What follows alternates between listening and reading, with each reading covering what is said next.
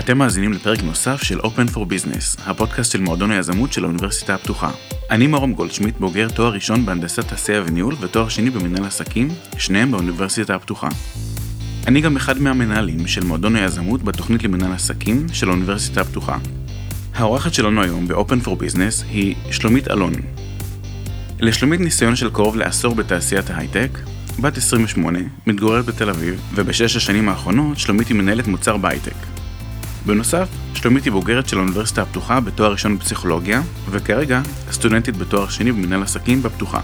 בנוסף לכל אלה, שלומית שותפה לעשייה בפודקאסט שעוסק בניהול מוצר. שלומית, ברוכה הבאה לפודקאסט. שלום. יש עוד משהו שחשוב לך להוסיף? לא, נראה לי שתיארת את הכל. אני באמת אה, סטודנטית באוניברסיטה הפתוחה כבר uh, כמה שנים. Uh, נורא נהניתי לעשות פה את התואר הראשון שלי, uh, ועכשיו את התואר השני. Uh, במקביל אני גם באמת עובדת כמנהלת מוצר, וגם uh, uh, כחלק מצוות של פודקאסט שנקרא ניהול מוצר גרסת הבמאי. בואי נכיר אותך עוד טיפה, נעשה את השאלון הקבוע שיש לנו בפודקאסט, ואני אשמח אם תוכלי לספר לי בבקשה על שני רגעים מהחודש האחרון. אחד חיובי ומשמח והשני שלילי או מאתגר. וואו. רגע, לא התכוננתי לזה. זה בדיוק העניין, הספונטניות. אז אה, שני רגעים, אחד משמח ואחד פחות? כן, או מאתגר. מאתגר, או קשה. אוקיי. אז אחד משמח זה שחזרתי לעשות כושר. יפה. כן, אנחנו, אני לא יודעת מתי זה ישודר, אבל, אה, אבל אנחנו אחרי התקופה של הקורונה ובדיוק חזרו חדרי כושר, אז אה, סוף סוף חזרתי לעניינים ואני ממש גאה בעצמי על זה. מקווה שזה ימשיך ככה. דבר יותר מאתגר, אני, אולי זה לא מהחודש האחרון, אבל זה מהחודשיים האחרונים, התחלתי מקום עבודה חדש, אז תמיד התחלה חדשה היא מאתגרת. יפה, אז שיהיה בהצלחה. תודה. יש משהו מהתקופה האחרונה שהיית עושה אחרת אם היית יכולה? אה, לא, אני, אני באמת אה, אה, משתדלת כל הזמן אה, לשים לב איך אני עושה את החיים שלי אה, כמו שאני רוצה שהם יהיו. אה, אני לא מתחרטת על, על שום שלב בתקופות האלה. יפה, חיים ללא חרטות. ו... משתדלת. מעולה. יש משהו שאנשים לא יודעים עלייך והיית רוצה שידעו? אה, אני, אפשר אולי להבין את זה ממה שאני עושה, אבל אני בן אדם שנורא אוהב ללמוד, נורא אוהבת להתפתח, ואני אף פעם לא עוצרת. אה, אז, אז זה גם טוב וגם רע, כי, כי זה מאוד מאתגר מצד אחד, כי, כי אני כל הזמן רודפת אחרי אה, סוג של לנסות להיות אני בגרסה טובה יותר, אמ, אז, אז זה טוב, כי ככה מתפתחים, אבל זה באמת אה, מלווה בחיים שזה כל הזמן ללמוד, אה, כל הזמן, גם בעבודה, אני לא רק עובדת, מבחינתי אני גם כל הזמן לומדת, אה, ותמיד להתעסק בעוד ועוד דברים, על מנת להשתפר. כמה זמן לוקח לך להתארגן בבוקר? זה ממש תלוי. אז אם אני עובדת מהבית, אז דקה. אם צריך uh, להתארגן, עכשיו uh, לצורך העניין באתי פה לאולפנים, כן. לקח לי רבע שעה להתארגן בבוקר. וואה, זריזה. משתדלת, יפה. כן. עכשיו, ספרי לי במשפט מי זו שלומית אלון. וואו. Um, כן, זו תמיד שאלה מאתגרת. משפט לספר על עצמי. Uh, אז שלומית אלון, היא בחורה די פשוטה, שגרה בתל אביב, ואוהבת לחיות את החיים. יפה, מעולה. תודה רבה. עוד כמה שאלות נוספות שחשבתי לשאול, נעשה שאלות זריזות. ספרי לי, קיץ או חורף? קיץ. כלבים או חתולים? כלבים, ברור. מקום מועדף אה, בעולם לחופשה? וואו, אה, לא הייתי שם, אבל אה, אני רוצה ניו זילנד. מעולה. זה בהחלט אה, אה, מעניין. תודה רבה על התשובות. אני אשמח אם תוכלי להרחיב טיפה על הפעילות שלך בימים אלה. מה העסיק אותך בשנה האחרונה ומה נמצא בפוקוס שלך כרגע. אמרת שהתחלת לא מזמן אה, עבודה חדשה, אז אולי תספרי עליה טיפה. כן, אז בעצם אני אתחיל בזה שעבדתי, עד, עד לפני חודשיים באמת עבדתי באיזשהו סטארט-אפ שהוא כבר לא כל כך סטארט-אפ. אה, הטווס כאן מנסה להתערב בפרק. כן, אז עבדתי בעצם uh, בקרוב לשש שנים האחרונות uh, באיזשהו סטארט-אפ, הוא כבר ממש גדל, הייתי שם ממש עובדת שישית, היום הם כבר 200 עובדים. זאת הייתה חוויה מטורפת, מלמדת, שם אני חושבת צברתי המון המון מהניסיון שיש לי היום. אה, ובעצם באמת עברתי למקום חדש, אה, אה, גם כדי לגוון, ללמוד, דיברנו על זה שזה חלק מה, מדברים ש, שמייצגים אותי באופי. אז באמת היום אני, אני מנהלת מוצר, גם זו חברה שהיא נחשבת חברת סטארט-אפ, היא יחסית עדיין קטנה, סביב ה-160 עובדים. וזהו, גם זה, זה, זה מלווה בהמון אתגרים. אה, אני היום מנהלת מוצר, אז אה, בתור מנהל מוצר זה מלווה בהרבה אתגרים. אה, אני יכולה להיכנס לזה עכשיו. אז זאת בדיוק הנקודה להיכנס לזה. Mm-hmm. קודם ספרי מה זה ניהול מוצר. אוקיי, אז ניהול מוצר, כשמישהו שואל, ששואל אותי ואני צריכה לענות לו בשני מילים, וזה לא נכון להגיד את זה ככה, רגע, ש... מילה שתי אחת, שתי מילים, כן. קלטתי את ה... אז uh, מנהל מוצר בשתי מילים, כשאני מנסה להגיד, זה לאפיין פיצ'רים, אבל זה לא נכון, זה לא רק זה. Uh, אז קודם כל אולי אני אשאל, uh, אם שואלת איזה דודה או סבתא, מה את עושה בעבודה, בואי נתחיל מזה ואחר כך נגיע לדברים יותר טכניים. אז כששואלת אותי איזה דודה, אז אני אומרת שאני בהייטק במחשבים. אה, אוקיי, בסדר. זה, זה נגמר פה. כן. אם שואלים אותי קצת פחות דודה וקצת יותר, זה, זה באמת uh, לאפיין פיצ'רים, אה, אבל מישהו מהתעשייה, מישהו מהתחום, ידע שזה לא מסתכם בזה, וזה הרבה מעבר.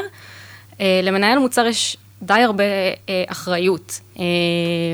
מה, זה, מה האחריות הזו כוללת?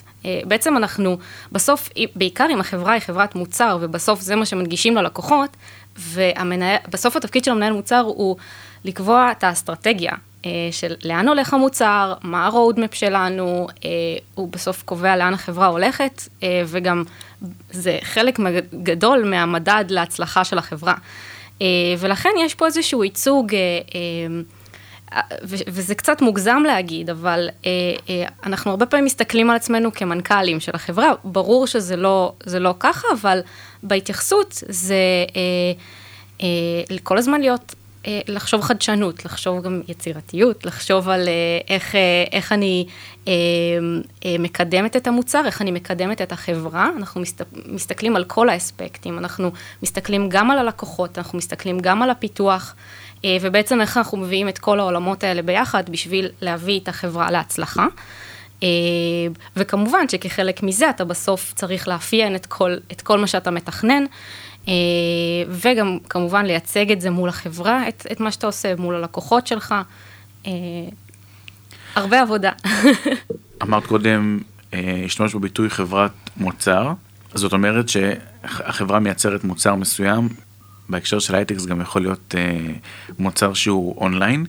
זאת אומרת, אתר שנכנסים אליו, ומאחורי קלעים יש את כל הגמדונים הקטנים שמסדרים את כל הביטים והבייטים. יש גם אולי חברות אחרות, סוגים אחרים של חברות. אני אשמח לשמוע ממך איפה מנהל מוצר יכול להשתלב בחברה שהיא לא חברת מוצר.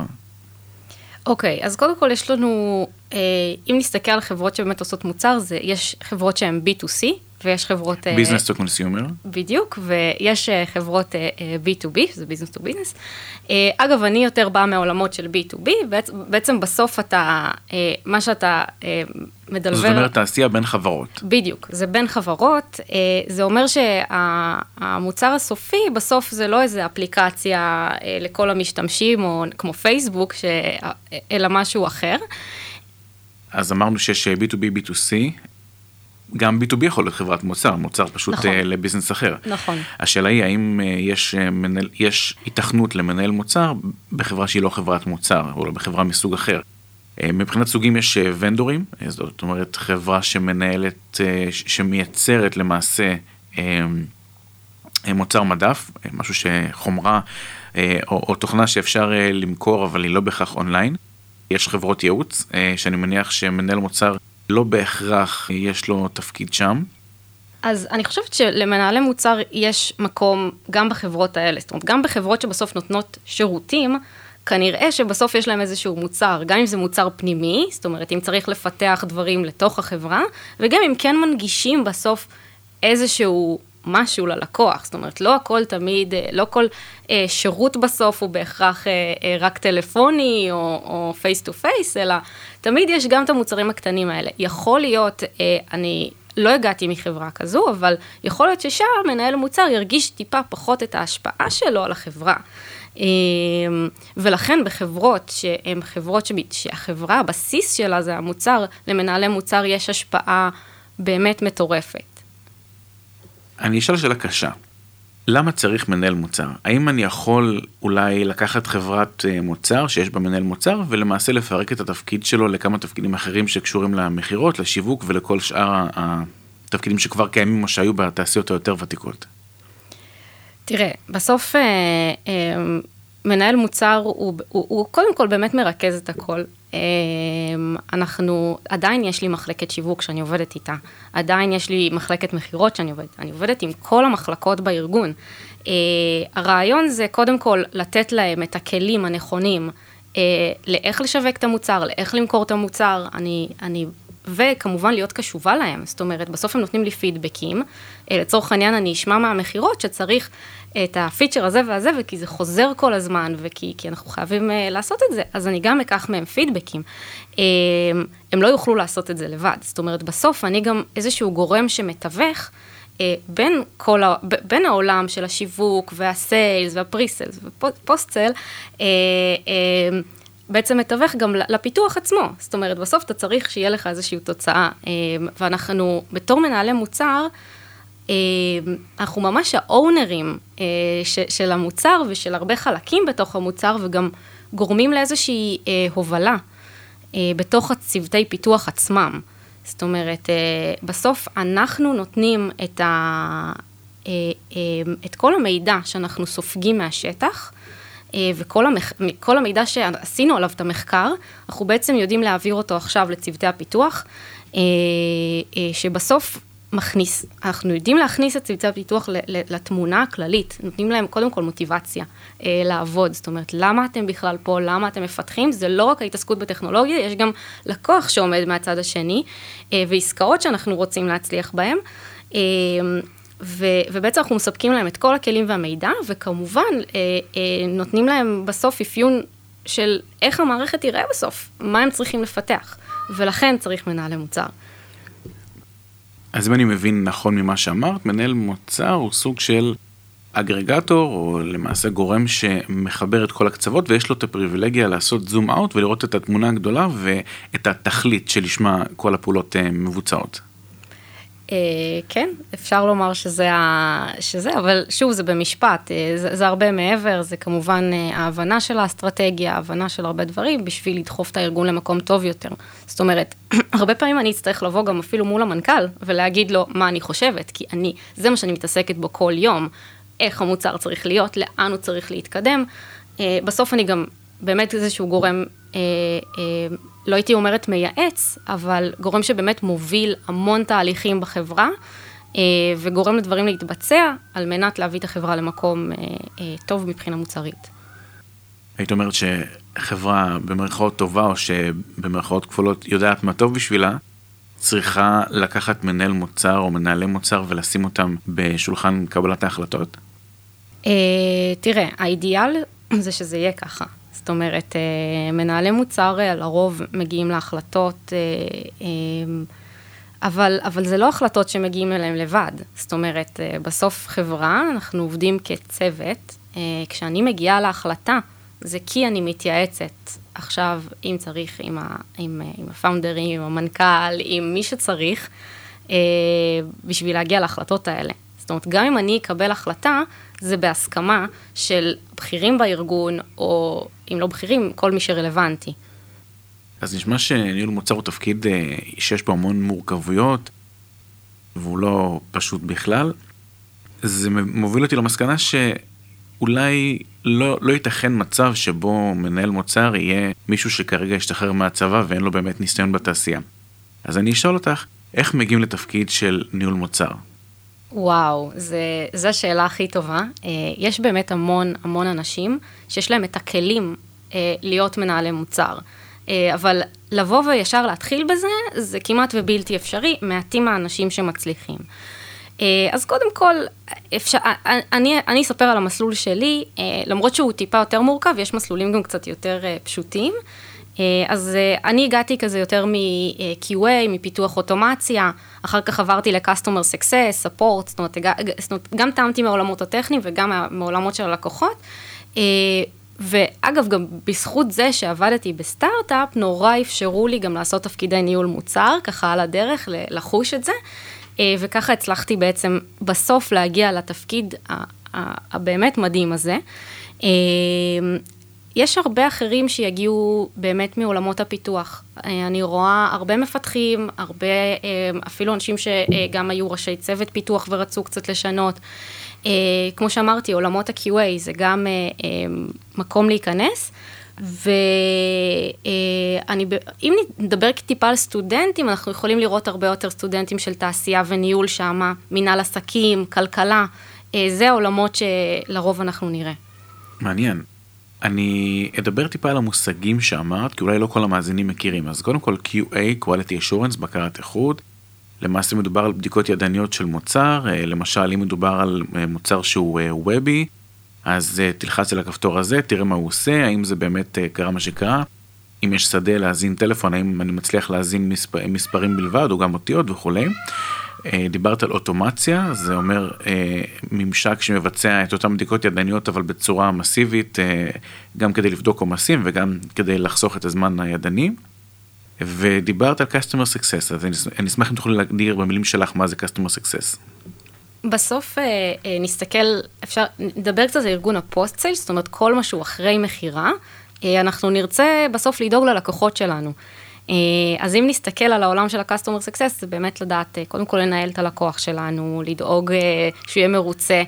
אה, אה, לדעת לדרג, אגב, לצורך העניין, את, ה, את השביעות רצון שלו אה, מהמוצר ומהחברה, ובעצם לענות על דרישות שלו. זאת אומרת, יכול להיות שיהיה לו בעיות טכניות במוצר, אוקיי, בואו נקדם את זה ונגרום לזה להיפתר.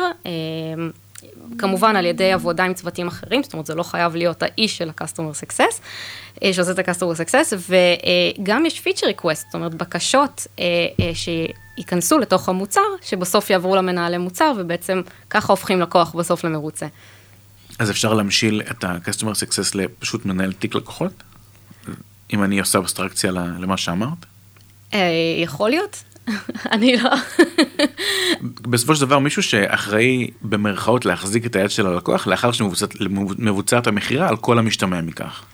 נכון, הוא מחזיק את היד של הלקוח, הוא גורם, אה, בסוף, בסוף המטרה זה לגרום לשביעות רצון הלקוח. אוקיי, okay. אני אחזור uh, טיפה יותר אחורה, אמרת, uh, אמרנו post-sale, אז דיברת גם על pre-sale, אני רק uh, אסביר את זה בדיעבד למי שאולי לא מכיר. pre-sale זה אומר איש מכירות שמטפל למעשה בהבאה של הלקוחות. אם אני, אני מסביר את זה בצורה מדויקת. אני אדייק. כן. אמ, אז בעצם כל מה שקורה לפני, לפני המכירה, אז כמובן שיש לנו את אנשי הסיילס, שהם באמת מביאים את, ה, את הלקוחות עצמם, את, ה, את הלידים. אה, ואז בסוף, ובסוף מגיע איזשהו חלק טכני. אה, אז יש את אנשי הפריסל, שהם באמת אה, יותר באים בקטע הטכני, לבוא לעשות POC למוצר. POC, Proof of Concept, תוכחת התכנות? כן, אני אומרת פה הרבה מושגים. אז, אז בואו נשתדל להסביר אותם. כן, כן. ו, ובאמת לבוא מהצד היותר טכני, ולוודא, בעצם זה, זה תדמיינו שכל דבר שמגיע, אה, ש, שנמצא ב post-sale, רק פשוט הוא לפני המכירה. אה, צריך לגרום ללקוח בסוף לסגור את העסקה, להיות מרוצה, להיות שם בשבילו.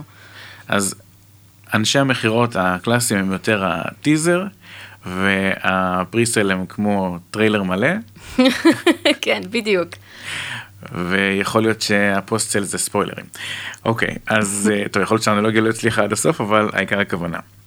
בתפקיד הקודם שלך היית יותר מחמש וחצי שנים, ואמרת קודם שהיית בין העובדים הראשונים בחברה. ספרי בבקשה, איך זה לעבוד בחברת סטארט-אפ קטנה, ואיך הדברים השתנו ככל שהחברה גדלה, עד ליום שבו עזבת אותה, למקום עבודה הנוכחי.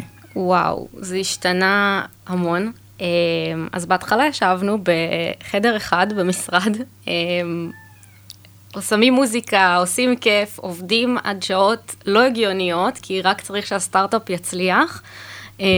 כשאני אומרת שעות לא הגיוניות, היו ימים של 12 בלילה, והיו ימים שצריך להוציא גרסה, והיינו מגיעים גם לשלוש בבוקר, וואו. רק כדי להצליח. היינו צוות באמת קטן, כל אחד עושה הרבה. זאת אומרת, כל דבר שאתה עושה, יש לו המון השפעה על המוצר, הקבלת החלטות גם היא מאוד מהירה. זאת אומרת, אתה צריך בסוף להגיב לשוק, אתה רוצה להשיג כמה שיותר לקוחות, ואתה עושה הכל בשביל זה.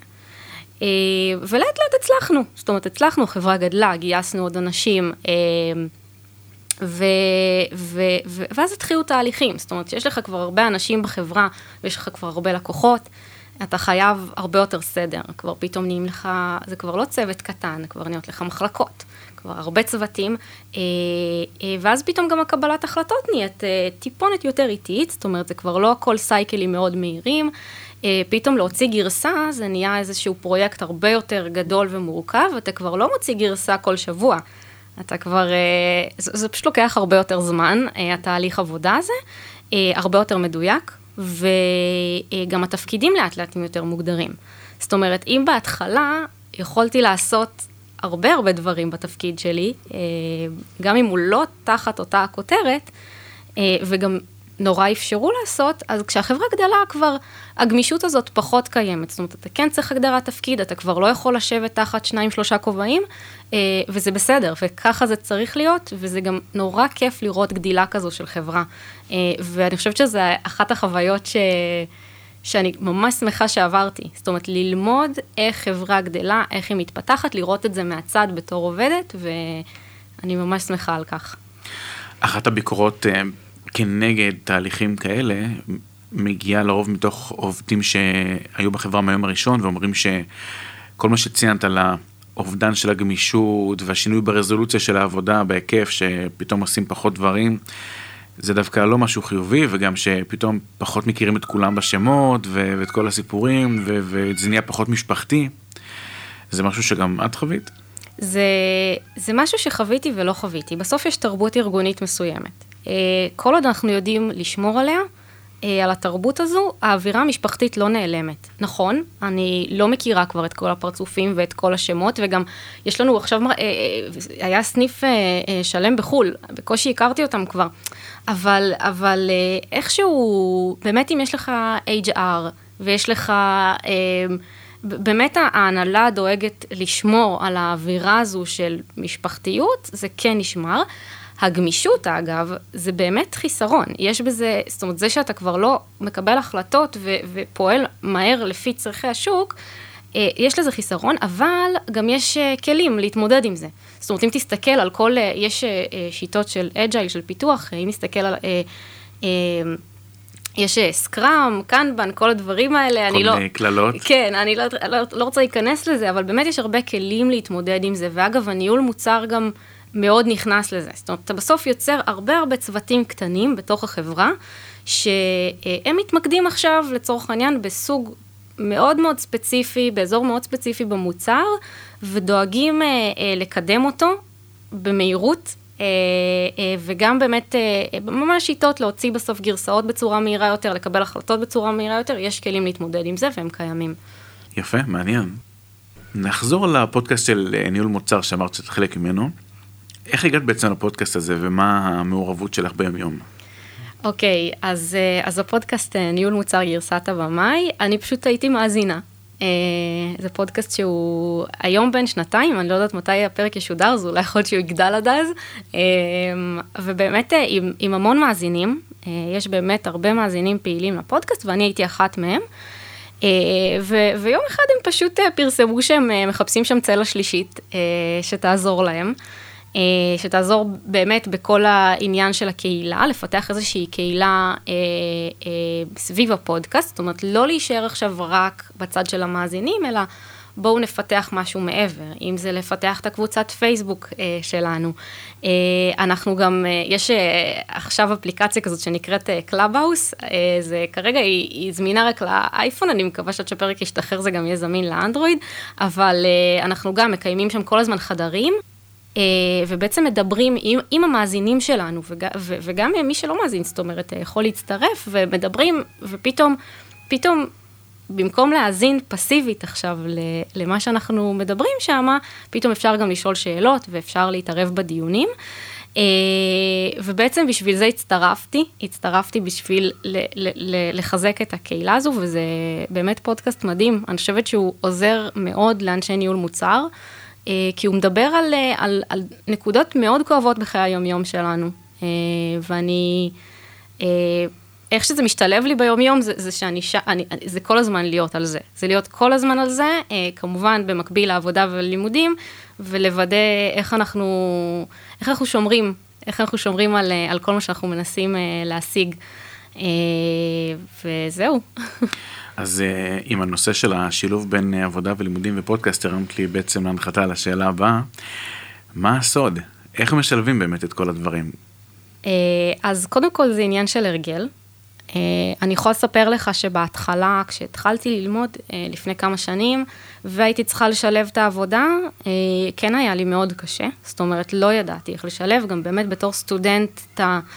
נורא לוקח זמן, לוקח זמן להתניע קצת את, ה, את הדברים. לדעת ללמוד איך ללמוד. כן, ולאט לאט עם הקורסים ועם הסמסטרים, פתאום אתה כזה לוקח את הדברים הרבה יותר בקלילות, אתה מבין כמה קורסים אתה צריך לקחת, אתה מבין איך אתה מאזן את זה. Uh, ובעצם היום אני כבר בתואר שני, אז אני לוקחת אותו הרבה יותר באיזי, הוא גם, uh, התואר הראשון בפסיכולוגיה הוא מאוד אינטנסיבי, התואר שני במנהל עסקים הוא גם לא פשוט, אבל הוא, מבחינת, אני יותר מצליחה לשלב uh, uh, עוד דברים מעבר ללימודים. Uh, ושוב, זאת אומרת, הפודקאסט ש- שאני מוסיפה ברקע זה, זה משהו לכיף, זה תחביב, אני לא רואה את זה כאיזשהו איזשהו נטל. אז כל פעם בעצם שאני עובדת על הדברים האלה, אני נורא נהנית מהם. אגב, גם הלימודים, הלימודים עצמם נורא מעניינים, חוץ מהמבחנים, הכל נורא נורא מעניין, ו- ובסוף זה כיף לי לשבת מול הרצאה ו- ו- וללמוד. אמ, אז אפשר לשלב, זה עניין נכון של ניהול זמן, אה, גם בטח יש כאלה שיאזינו ויגידו, מה, אין לה חיים, היא לא עושה עוד דברים מעבר, אז כן, אני יוצאת המון, אני עושה דברים, אני נהניתי עם חברים. אה, עניין נכון של ניהול זמן ולקחת את החיים בקלילות. יפה, חשוב. זאת אומרת, חשוב העניין של הגישה. רציתי לשאול אותך, בתור מי ש... מישהי שיש לה גם תואר ראשון, גם תואר שני, מאסכולות שהן לא בהכרח חופפות, וגם עיסוקים שלא בהכרח מקבילים לאקדמיה, למה שלמדת, את חושבת שההשכלה האקדמית תרמה לך מבחינת אה, כל הנושא של, הנושא העסקי, הנושא התעסוקתי? אני חושבת שבנושא התעסוקתי לא כל כך. העיסוק שלי היום הוא לא מתחום הפסיכולוגיה, נכון, הוא יותר נושק לעולם של מנהל עסקים, ולכן גם בחרתי ללמוד את זה, זאת אומרת, בחרתי ללמוד את זה כי אני במקצוע, אבל uh, אם נסתכל על התואר הראשון, אין קשר בין הדברים, וגם עשיתי את זה במודע, כי אני התחלתי לעבוד, הייתי כבר בהייטק, כשהתחלתי את התואר הראשון שלי בפסיכולוגיה, ידעתי שאין חפיפה. עשיתי את זה uh, בשביל הישגים אישיים של עצמי, וכי אני נורא נורא התעניינתי בתחום, ואפילו חשבתי גם לעשות הסבת מקצוע, בסוף ויתרתי על הרעיון, אבל לא, לא נפתח את זה עכשיו.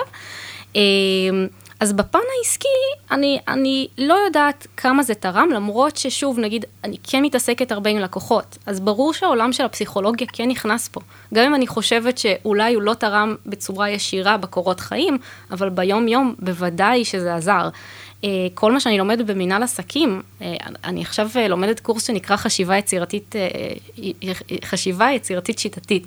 אנחנו, זה, זה בדיוק התפקיד שלי. זאת אומרת, אני צריכה לדעת לעשות את הדברים האלה, זה תורם לי המון בפרקטיקה היום. אני כן אדבר אבל על הפן האישי. אני חושבת שהתארים שאתה עושה, הם מאוד תורמים בפן האישי. זאת אומרת, קודם כל מבחינה הישגית. אתה, אתה יודע שהצלחת, אתה יודע שאתה מסוגל. הרבה אנשים אומרים, אוי, לא עשיתי תואר, לא סימנו איזה משהו, שבעיניי זה לא רק לסמן וי, זה, זה משהו שהוא כן, אה, בסוף כשכל האנשים סביבך עושים משהו, אז להגיד גם אני יכול, זה כן תחושה מאוד הישגית, מאוד נעימה עם עצמך. אה, וגם ברמה האישית, אני חושבת שהלימודים באקדמיה, לי אישית ממש תרמו. אה, אה, כי הנה, עניין של ניהול זמן, פתאום אני יודעת לנהל את עצמי נכון יותר. אה, עניין של למידה, לקחת את הדברים בגישה מסוימת. אה, אני חושבת שזה בעיקר תורם בפן האישי, ואם היית שואל אותי, ויכול להיות שבאת לשאול אותי, אני לא יודעת, אבל אה, אם היית שואל אותי אם ללכת, כי הרבה אנשים שואלים אותי לעשות תואר, לא לעשות תואר, לסיים את התואר, לא לסיים, ברור שכן. בסוף זה הישגיות של עצמך, אתה לא עושה את זה לא למעסיק שלך ולא לקורות חיים שלך, אתה עושה את זה נטו בשביל עצמך, זה למידה, זה אמור להיות כיף, זה אמור להיות מפתח, ברור שכן. כן, אז האמת שבאמת התלבטתי אם לשאול אותך את זה או לא, אבל זו שאלה חשובה, ואני שמח ששאלת וענית. תודה רבה, ורציתי ממש אה, לפני סיום לשאול אותך, האם יש לך טיפ כלשהו לאנשים שחושבים להיכנס לניהול מוצר ולא בטוחים אם זה נכון בשבילם? אוקיי, okay, אז uh, אם אתה לא בטוח, אל תנסה להיכנס לניהול מוצר. זאת אומרת, זה מאוד קשה להגיע לזה, אתה צריך להיות בטוח שאתה רוצה. אבל הטיפ שלי זה להיכנס קודם כל לתעשייה. Uh, שוב, זה יכול להיות uh, פיתוח, QA, ניהול פרויקטים, אפילו מכירות, שיווק, תיכנס למשהו, אוקיי? תראה איך המנהלי מוצר עובדים, תראו מה, מה, מה קורה סביבכם, האם אתם נמשכים לתפקיד או לא. אם כן, לאכול זה בכל הכוח, ברור. אמ, וזה לא מתאים לכל אחד, זאת אומרת, זה דורש הרבה השקעה, זה דורש הרבה קשב, זה דורש אה, אה, לא מעט סקילים שלא לכולם, באמת לא לכולם יש, זאת אומרת, לצורך העניין, הרבה פעמים מפתחים יעדיפו לשבת מול המסך ולפתח, ופחות לדבר עם כל העולם ו- וזה. אה, אבל יש אנשים שהם בדיוק ההפך, ו- ו- ו- והם יכולים לעשות את זה, לגמרי. בסדר גמור. תודה רבה שלומית, היה מאוד מעניין. גם לי היה ממש כיף, איזה, אני ממש שמחה שאירחת אותי כאן.